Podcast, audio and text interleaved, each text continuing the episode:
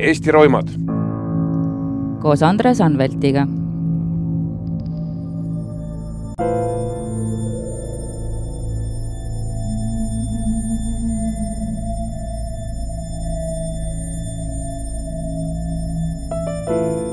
kahekümne viiendal novembril kaks tuhat kaks leiti Raplamaal Hagudi ja Kodila vahelt teepervelt skandaalne julgeolekutöötaja, viiekümne kaheksa aastane Voldemar Holm, kes viimastel eluaastatel tegeles jumalasõna levitamisega ja keda nimetati suisa ususekti juhiks.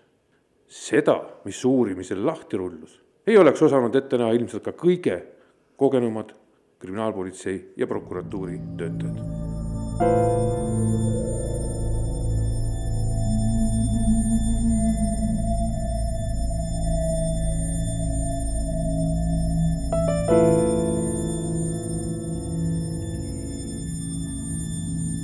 Tere, head Eesti Roimade kuulajad, mina olen Dagmar ja minuga on siin loomulikult Andres.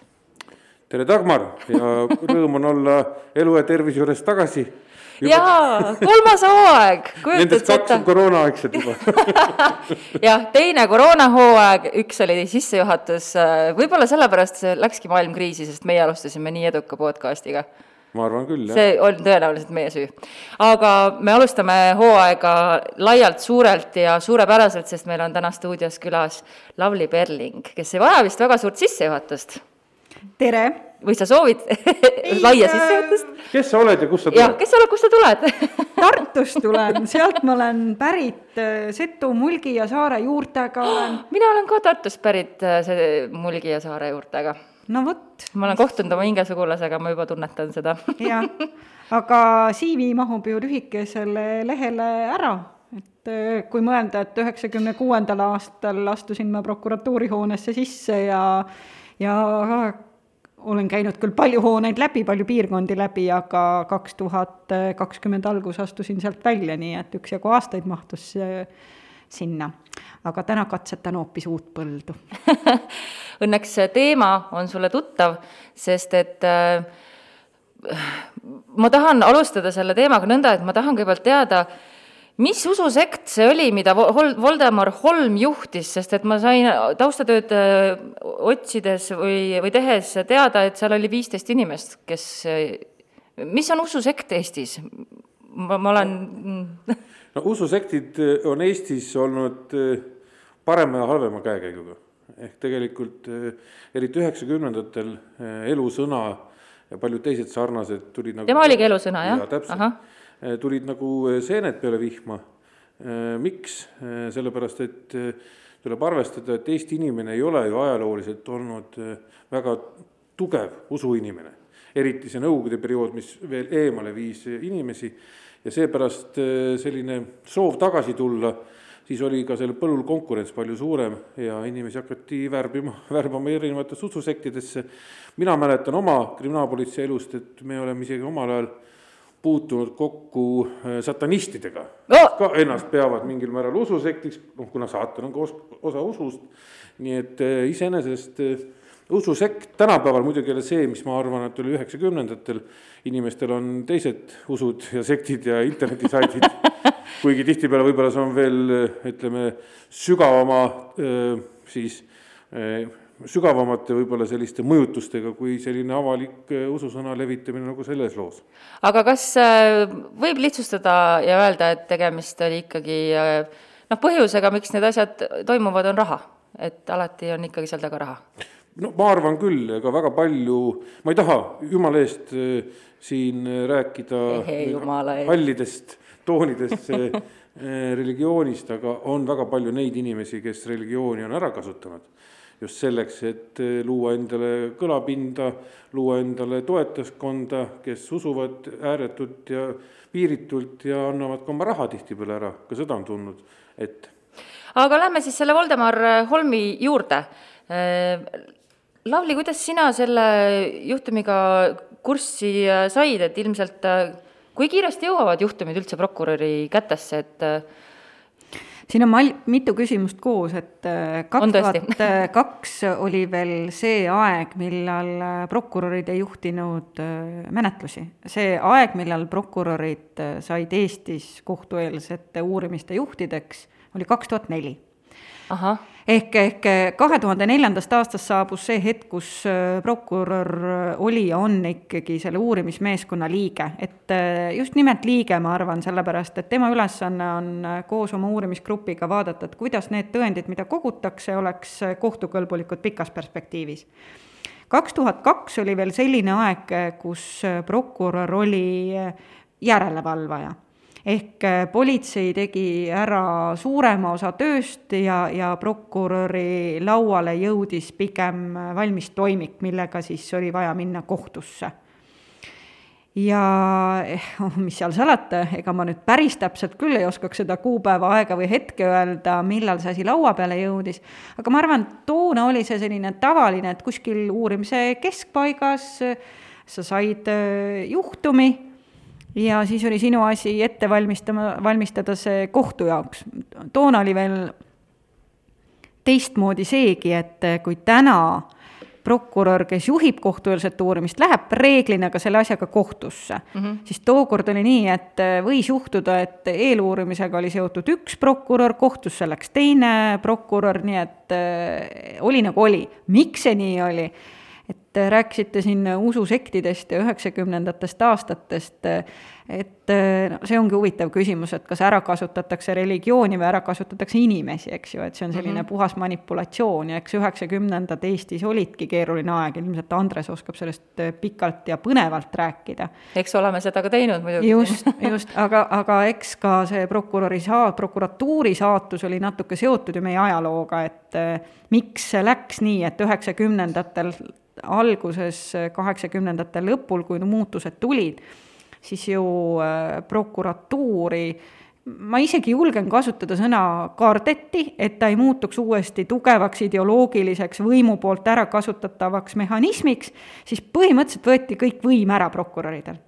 ehk, äh, ehk prokuröridest jäid järele sellised äh, allkirjapanijad ja tublid politseinikud tegid tööd ära ja nii oligi, et, et, et, et see prokuratuuris töötamine oli kaugel sellest, et see oleks kuidagi popp olnud, omaette küsimus oli veel see, et eks räägitakse, et prokuratuur oli ka üks viimaseid, kes oma näo sellise oma riigi poole pööras. oli see nii, ei olnud nii, eks seda räägib ajalugu mm. -hmm. aga igal juhul äh, alles äh, jah, üheksakümnendate lõpus tõusid need diskussioonid, et kuulge, et et nii ei saa jätkuda, et äh, politsei on justkui ühiskonnas pildil sellega, et äh, pätid püütakse kinni ja siis äh, kukuvad need asjad järjest kohtus kokku. et kes vastutab?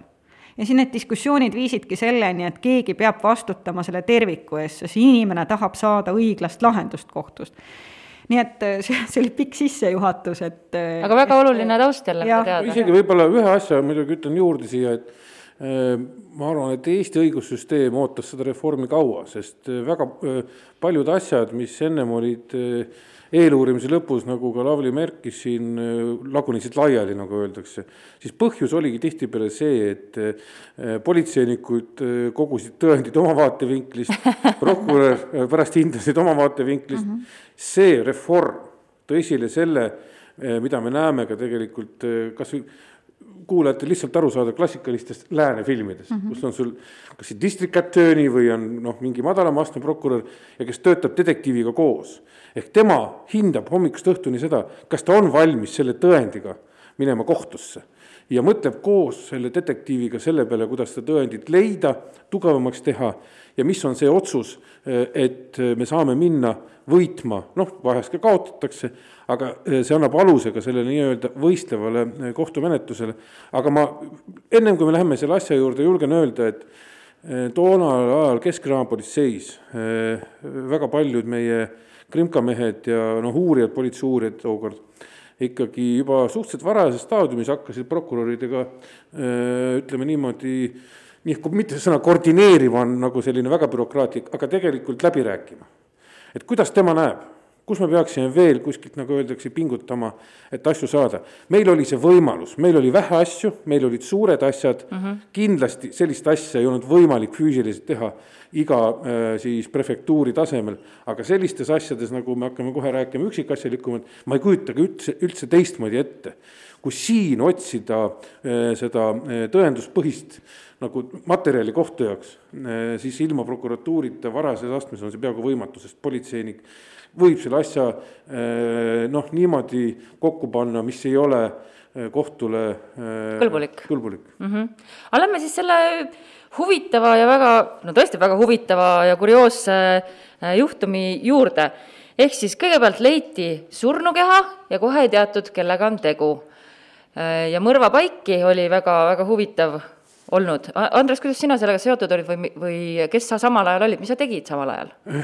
ma olin samal ajal, ma olin, kui ma ei eksi, Keskkonnaapolitsei direktor mm. -hmm. vaadates seda kuupäeva, kuskil sel ajal ma sain selleks ja eks ma siis istusin kõrge mäe otsas ja, ja jagasin juhtnööre aga, aga kui me seda teemat hakkasime Lavliga ette valmistama, rääkima, ega mul kohe ei meelde tulnud aga paar märksõna, siis tuli nagu päike tõusis selle äh, mäe tagant, et äh, tuli meelde Holm, tuli meelde sündmus ja see, et see oli väga põnev sündmus. okei okay,, aga mina näiteks äh, lugesin siis välja erinevatest toonastest artiklistest, et et kui lõpuks siis Voldemar Holm tuvastati, mm, et, et ühesõnaga, et huvitav oli olnud siis see, et ta oli külma ilmaga seljas võtnud mantli, pannud selle ilusasti portfelli peale ja teda oli tulistatud äh, püstoliga TT küljelt pähe ja samal ajal hoidis ta üht kätt taskus.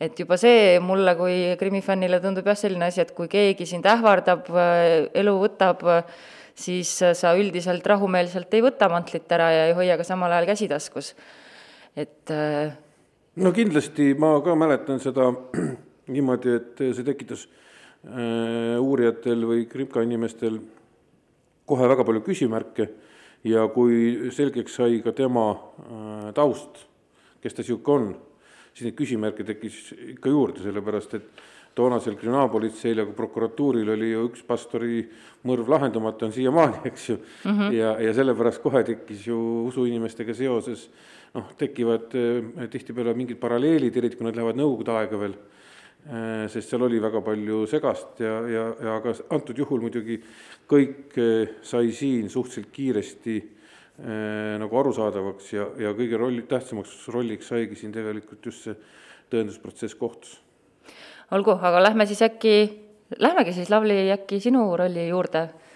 et äh, või kuidas, kuidas hakkas see asi siis hargnema, et, et alguses olid väiksed vihjed, et võib-olla see ei ole nii nii-öelda puhas mõrv, kui paistab. Ja mis siis edasi sai? Ma mäletan äh, seda hetke, see oligi eeluurimise lõpul, kui sai selgeks, et meil on laual juhtum, kus, äh, ja nüüd ma püüan seda korrektselt öelda, kus meil on mõrv, mis ongi mõrv, mis siis, et seda mõrva püütakse näidata mõrvana selleks, et, et see ei oleks enesetapp, mida vastaspool väitis seda olevat. ehk, ehk mitte keegi ei saa hetkel aru, aga mm -hmm. täpselt nii, nii lihtne see oligi, et ühel hetkel meil oligi juhtum, kus süüdistatav ütles, et jah, te süüdistate mind mõrvas, sest te näetegi mõrva, aga see ei ole mõrv, see on enesetapp aga me ei saanud seda näidata enesetapuna, sest muidu me ei oleks saanud elukindlustuse raha ja sellepärast me näitasime seda mõrva mõrvana. ja meie siis püüdsime omakorda tõendada seda, et ei, ei, et see, see ongi mõrv. päästikul on vajutatud, tegemist on ja, mõrvaga. ja, ja, ja eks see, see asi, ühelt poolt oli ju kohtuasi nagu kohtuasi ikka, kus on sul süüdistatavad ja tunnistajad, aga selles asjas nagu paljudes kohtuasjades on kogu selle juuramaailma kõrval need äh, ma julgen kasutada sõna märksa huvitavamad ja inimlikumad aspektid. ehk äh, seesama lugu sõprusest, mis oli Rudolf äh, Mehise ja, ja Voldemar Holmi vahel. Rudolf Mehine on siis äh, see inimene, kes päästikule vajutas ja see sai selgeks kui kiiresti selle juhtumi puhul noh, kui mõelda, et millal oli sündmus ja sündmus oli meil november kaks tuhat kaks ja mm -hmm. kohtus äh, oldi selle asjaga ma arvan. veebruaris kaks tuhat kolm vahistati. noh mm, -hmm. ma arvan, et. märtsis oli, jah. et ega siis väga kaua ka ei läinud selleni, et jõuda kahtlustatavani, ehk eh, kahtlustus on siis see etapp, kus veel kõiki tõendeid ei ole koos, aga nagu me näeme, veebruar kaks tuhat kolm peeti Rudolf Mehine kinni mm. -hmm. No siin tuleb lihtsalt vahepeal öelda, et eh, ega siin eh, väga keerulist, ütleme, üks asi on isiku, kahtlustatava isiku selgeks tegemine on üks asi, muidugi tõendite otsimine on teine asi. Aga arvestades seda, see on kahekümne teine aasta ja needsamad Holm ja, ja Mehine olid tegelikult ju väga kauaaegselt tuttavad, noh, suhtlesid pidevalt ja, ja sealt ei olnud see keeruline seda suhtlusringkonda koomale tõmmata. nii et niikuinii oli Rudolf Mehin esimestest, üks esimestest inimestest, kellega politseinikud ja uurijad oleks rääkinud? jaa, kindlasti, ainult teine asi on see, et sa võid ju lihtsalt rääkida, aga sul peab tekkima mingi aimdus vähemalt alguses, et inimest üldse vahi alla võtta. aga kuidas ikkagi siis see aimdus tekkis, kumb teist oskab mulle selle kohta siis nüüd rääkida lähemalt? Ei no see aimdus tekibki see, et nii nagu mõrvajuhtumite puhul äh, hakatakse ringi mööda minema, pannakse erinevad versioonid lauda ja siis vaadatakse, et äh, milline versioon nagu tõenditega kinnitust leiab mm. -hmm ja, ja, ja nii ka sellel juhul sinna Rudolf Mehise juurde jõudsid ma ise arvan, et see lugu just nimelt võib-olla, võib-olla see on küll prokuröri vaatenurk, aga lähebki huvitavaks just nimelt kohtus, sellepärast et et kohtueelsel uurimisel meil olid ju relvad, meil olid need kokku pandud asjad, kõik loogika ütles lisaks tõenditele seda, et noh, ei saanud olla enesetappu, see ei ole võimalik. ja Mehine, ja, tunnistas, ja Mehine tunnistas jah, et ta pani selle teo toime. ja, ja põnevaks läks sellel hetkel, kui me siis olime kohtus seda ikka juhtub ja juhtus toona rohkemgi kui täna, sel päeval, sest tänasel päeval ju väga vähesed asjad jõuavad üldse võistlevasse menetlusse. aga, aga, aga see, mis seal toimus, kuigi veel seaduses ei olnud võistlevat menetlust, siis ma julgen öelda, et see oli selline klassikaline võistleva menetluse lugu kui selline, kus noh, poolte vahel oligi tõeline vaidlus, mis siis juhtus? Sest äh, mehine tõusis püsti ja ütleski täpselt seda, mida ma ütlesin, et mõrva pole olnud mm. -hmm. et äh, me moodust- või ehitasime ise tulistava laskeseadeldise ja me tegime nii, et ma olin küll kaasas, ta oli valmis ka tunnistama seda, et äh, ta ei andnud teada sellest äh, enesetapust, ehk selline noh, ütleme moraalne tegu, mida ta oli valmis tunnistama. aga ta ütles, et Holm ise lihtsalt vajutas päästikut ja siis mille üle me seal istungil arutasime, oli laskeseadeldis, mängus olid füüsika, mängus olid relvad, mängus olid erinevad eksperdid, kes kohtus käisid, aga mängus oli ka see, et nagu ma olen naernud, et ei teagi, kas Eestis on mõnda teist kohtuasja, kus nii pikalt on arutatud teema üle, mis on kaja, kuidas see levib, kui kaugele ta levib ja nii edasi. miks see kajamängu tuli? Vot see on nüüd äh, hea küsimus, kui te niimoodi küsite, ma, ma võin eksida, seda peab toimikust järgi vaatama, aga mulle tundub, et seal oli keegi tunnistaja ja, ja Rudolf Mehise väited nagu ei klappinud äh, omavahel ja, ja siis püüdis Mehine meile selgeks teha paksude teadusraamatute puhul, et me oleme valesti aru saanud äh, kaja liikumisest metsas. kas te mäletate, kes see advokaat oli tal? Sellepärast et kui kogu sellise tarkuse ette sööta, see peab olema ikkagi väga kõva äh, ütleme, mingi moraalne ja õiguslik äh, tandem äh, jään hätta, aga äkki sa ise mäletad, ei mäleta? ma praegu ka ei mäleta, ma ei küsiks. ma ausalt öeldes ma ei mäleta, aga ma ütlen teile ausalt, et andku mulle nüüd see advokaat andeks, Eestis on palju tarku advokaate, aga andku mulle see advokaat andeks, kui ma ütlen sedasi, et Mehine ise oli väga tark et äh, ta lihtsalt oligi väga tark ja, ja, ja nutikas inimene, et äh, kohtuistungil ju, mis on avalik kohtuistung, tuligi välja, et äh, kuni selleni välja, et ta oli olnud lastekodu laps, kes oli kasvanud ja tema sõprus Holmi vastu oli väga suur. see mhm. oli, see oli nii suur, et ta oligi valmis tapma oma sõbra, sellepärast et sõber palus seda ta oli käinud tema eest, nagu välja tuli, küll kõrgema matemaatika eksamil, ta oli aidanud tal maja ehitada, ta oli aidanud teda, nii et see see kes sõp... käib teise eest eksamil, see on ka roh rohkem niisugune nagu filmilik stsenaarium, et see oligi. see tundub nagu niisugune hästi truu koer, kes teeb Jaa, kõike, mis öeldakse. aga, aga ega ilmaasjata rutates võib-olla ajast ette selle kohtuistungi puhul, aga ega, ega, ega prokurör kergelt ei küsi alla alammäära karistust mõrva eest. see, see, see lugu panigi mõtlema, et, et jah, tapmine kui selline väärib nagu äärmist hukkamõistu ühiskonna poolt aga need kõik muud lood, selline meeletu sõprus ja see palumine ja ma isegi julgen öelda, kuigi ka surnutest ju noh, halba ei räägita, aga et see, mis seal istungil välja tuli, võib-olla, võib-olla isegi selline teatud ärakasutamine.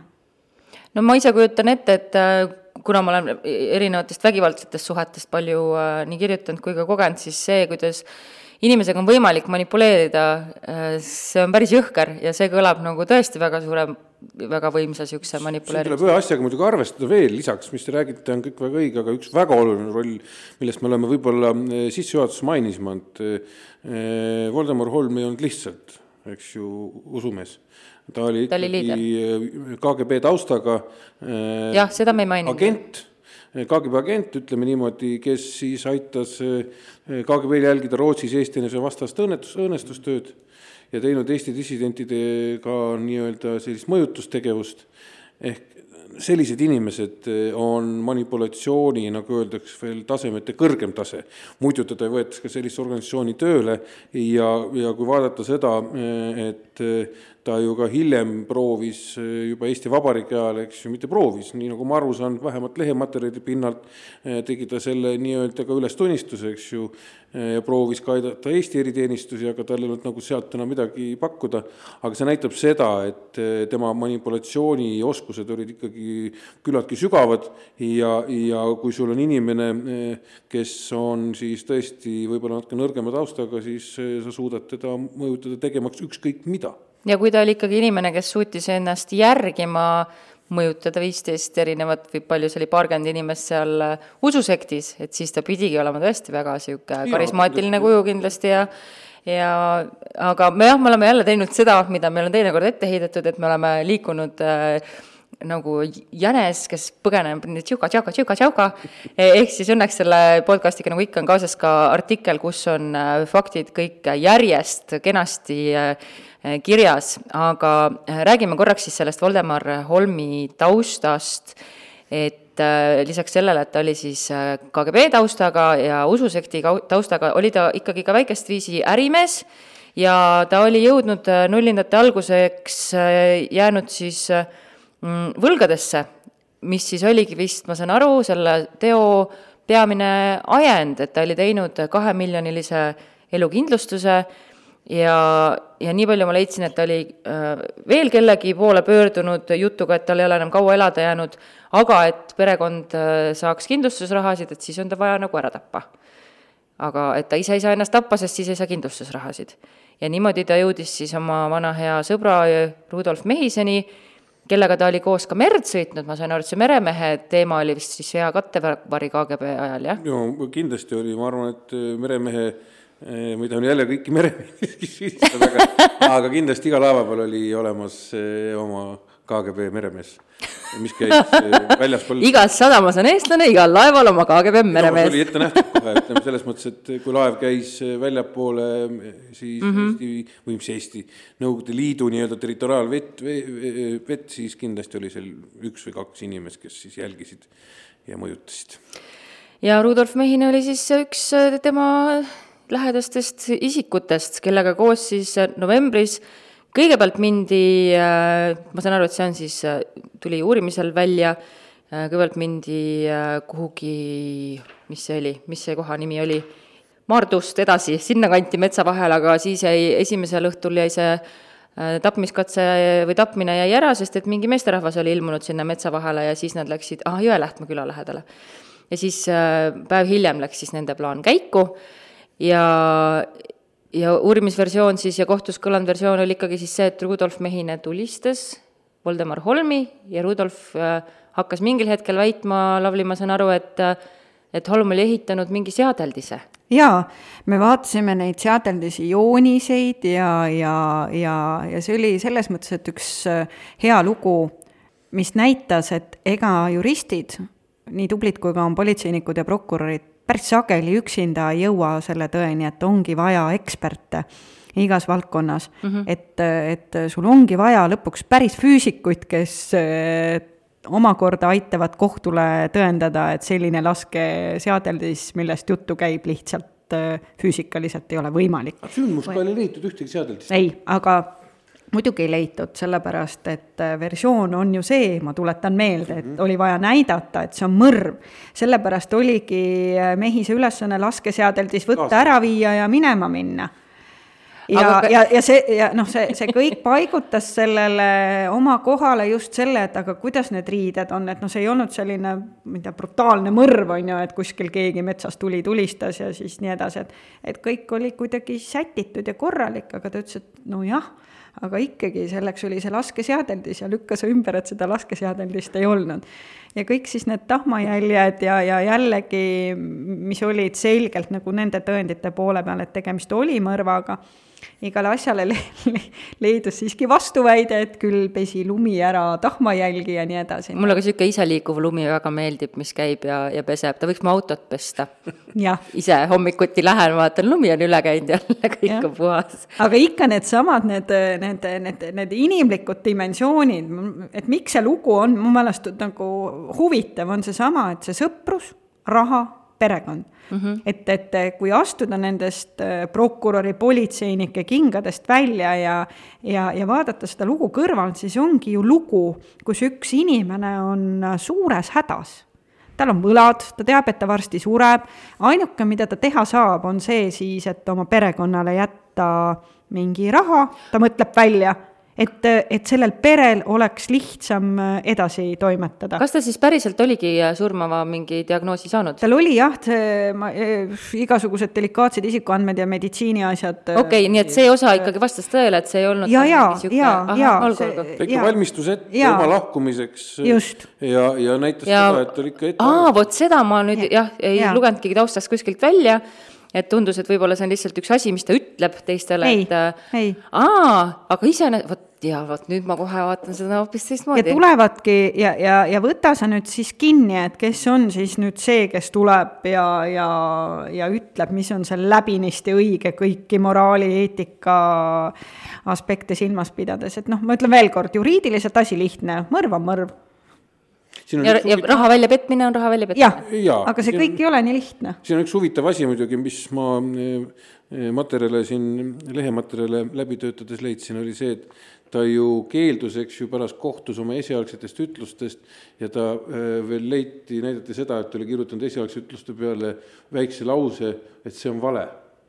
see oli ka väga kaval. jah, see, pravda, jah, et äh, see nüüd on selline äh, nagu huvitav teema, et me mäletame küll neid üheksakümnendate algust, keskpaika ja lõppu ka, et eks see oli põhiline versioon, et riik ei olnud veel piisavalt valmis, et kõik need tõendid oleks väga tugevad olnud ja siis ikkagi selles viimases hädas et kui ka oli üles tunnistatud oma kuritegu, siis ikkagi noh, väga sageli öeldi sellest lahti. ja see ongi inimese õigus, et selles mõttes seda ei ole mitte kellelegi mitte kunagi ette heita, nii peabki olema. ja, ja, ja nii nagu ka täna, et oleks pidanud ka kogu aeg olema aga, aga noore riigi puhul alati kohe kõik korraga ei saa valmis ja, ja seesama -hmm. nüüd, et et kui palju sõltub inimese enda ütlustest, see on alati üks tõsine küsimus, mitte ainult Eestis, igal pool ja, ja, ja riigi asi ongi, et mitte kunagi ehitada asja üles süüdistatava, kahtlustatava enda ütlustele. ja ka noh, see lugu ei olnud, siin oli palju teisi tõendeid ja, ja, ja kohus tegi kindlasti õige otsuse, lihtsalt sinna jõudmine võttis aega. sest äh, üks põnev lugu, mis selle, selle asjaga kohtus juhtus, äh, oli ju ka see lugu, kuidas äh, see nii Pravda seal kirjas oli ainult üks selline noh, niisugune väike luuremäng, mis äh, omavahel mängiti. et äh, seal kõlaski järsku keset istungit siiski väide, Mehise puhul ja seal sai abikaasa, Holmi abikaasa veel mängu tõmmatud, et et iseenesest on veel kuskile laiba pesu vahele peidetud kiri. Ja see kõik tuli kuidagi ootamatult, et ma arvan, iga prokurör, kes peaks juhtuma podcast'i kuulama, saab aru, et see on nüüd see prokuröri õudusunenägu, mis kohtus juhtuda võib, et, et kõrvalt vaadates on alati öeldud, et kõigeks peab valmis olema aga vot, kui sul keegi esitab kohtusaalis esimest korda ühe väite, siis ei ole mida sa ei ole kordagi varem kuulnud. just mm. -hmm. ja siis sa istud seal ja saad aru, et äh, su saalis on ajakirjandus, kes kõik kirjutab tähtsalt üles, sealt tulevad kohe järgmisel hommikul reaktsioonid, aga see lugu ongi selline, et, et räägibki noh, alguses, kui mehine räägib, mõtled noh, süüdistatava jutt aga siis, kui sa saad aru, et aga kohtuarst hakkab ka rääkima ja pime morg ja siis läks uks lahti ja siis tulid sisse mingid mehed, kes ütlesid, kus kuulub, kus on see kiri, mis kuulub meile.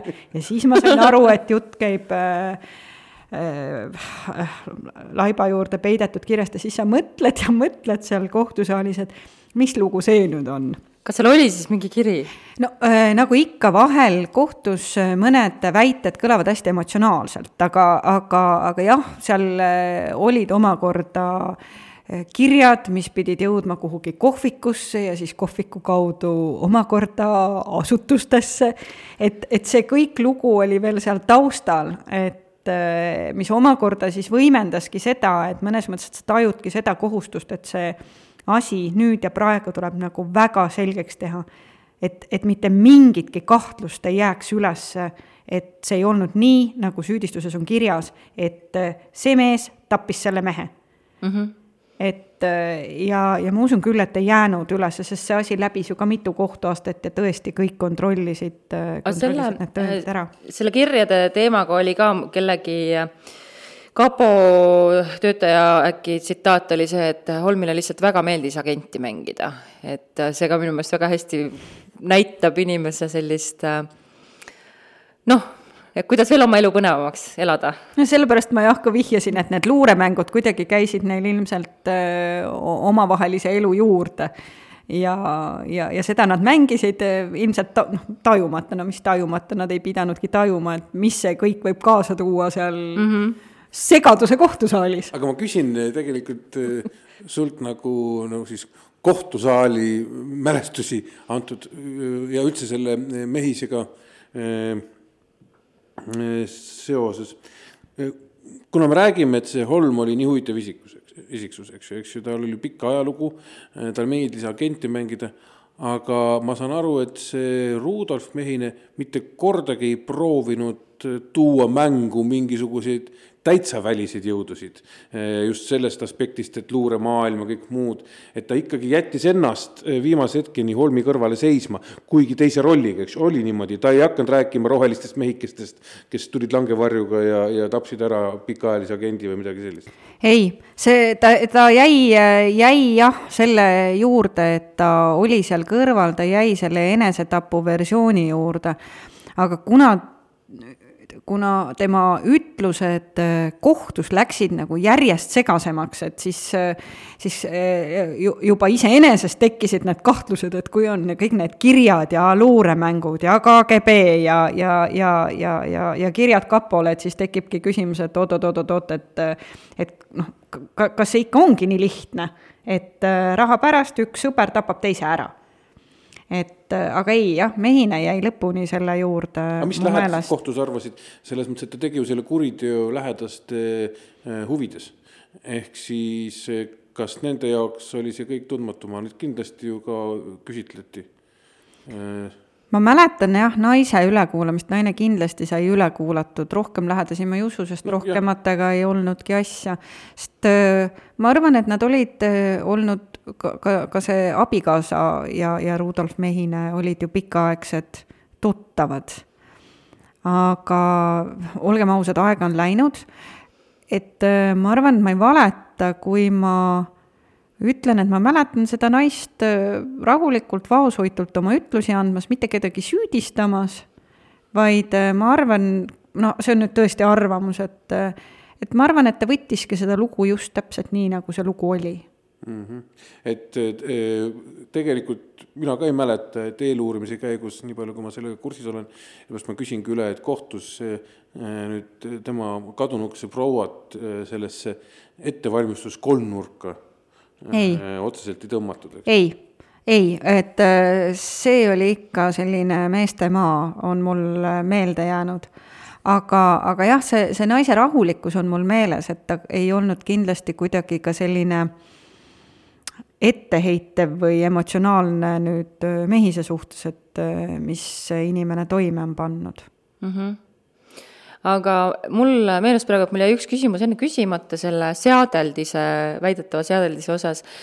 kui äh, te nüüd eksperdid kaasasite, kas, kas mõni ekspert ka püüdis ehitada seda seadeldist, et kuidas seda testitakse, et kas see töötab või ei tööta? filmides ikka ehita-, ehitatakse valmis mäleta, kas seda ehitada püüti, aga võib-olla isegi püüti, see kindlasti on toimikust äh, nähtav, ma mäletan neid äh, relvaeksperte, kes äh, just nimelt käisid ka seda, seda tõendamas tahmajälgede sellist asukohtade kaudu, et miks ei saanud olla enesetapp mm -hmm. Rudolf Mehise poolt.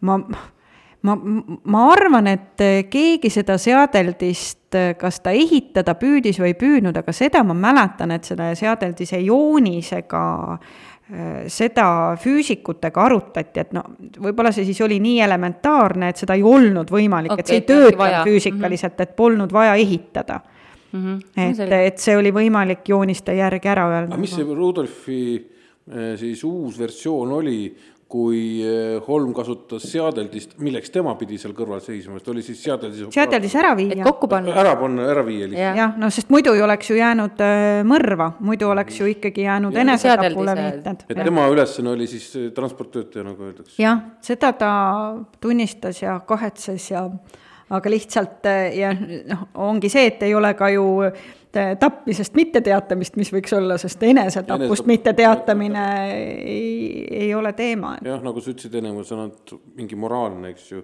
vastutus selle eest, aga mitte karistusõiguslik. ja prokurörina siis äh, sina nõudsid äh, et alammäär oli kaheksa aastat, aga nagu sa ütlesid, äh, ei ole just väga palju kordi, kus sa oled nõudnud alla alammäära, aga see oli üks neist kordadest. miks sa tegid niimoodi?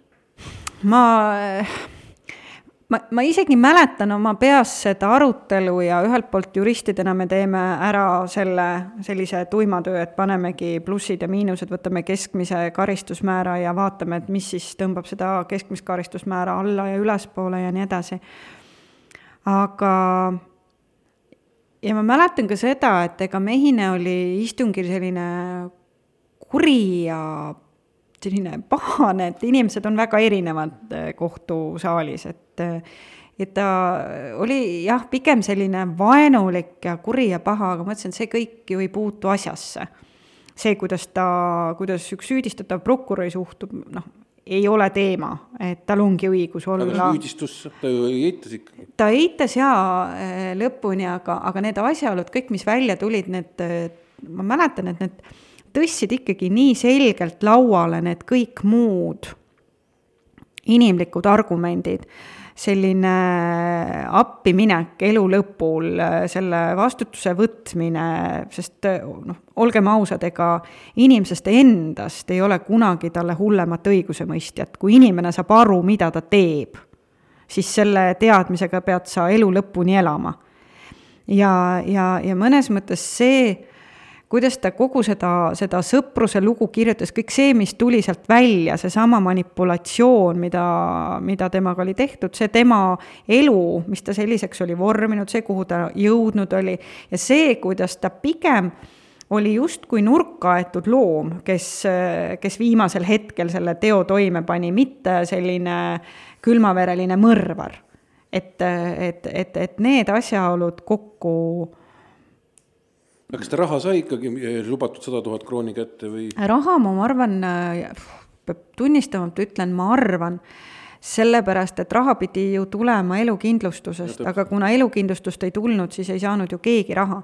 aga ma ütlen teile ausalt, et ma, ma noh, see oligi see, et et äh, see lugu oli selline, et ma arvan, kui sellele mehisele oleks mitte keegi mingit raha maksnud, ta ei teinud seda raha pärast ta tegi seda Et selle sõpruse pärast, et mm -hmm. sõpra aidata. ja, ja, ja, ja, ja, ja need asjad panevad mõtlema, et kui kannatanu teeb endast kõik endast oleneva, et äh, saada surma, saada mõrvatud. et äh, need olid need äh, kaalutluse see on arusaadav ja, ja siin tuleb muidugi kuulajatele kindlasti öelda, et äh, nagu näete, isegi selline väga planeeritud enesetapp selleks, et saada kindlustusraha antud hetkel läks vett vedama, et jah, ja läks ju bändina just see kaks miljonit kaduma sellepärast, et esiteks Voldemar Holm oli valetanud oma sissetulekute kohta. et ma tegelikult ei teagi, kui ta poleks valetanud, sest mõrv ju ikkagi toimus. jaa, aga Kas ta siis oleks välja tellis makstud? ise, ütleme sisuliselt tellis iseenda mõrva. Kui ikka kohtuotsus on, siis saab küsiks kind- Lavly rohkem, rohkem sinu arvamust.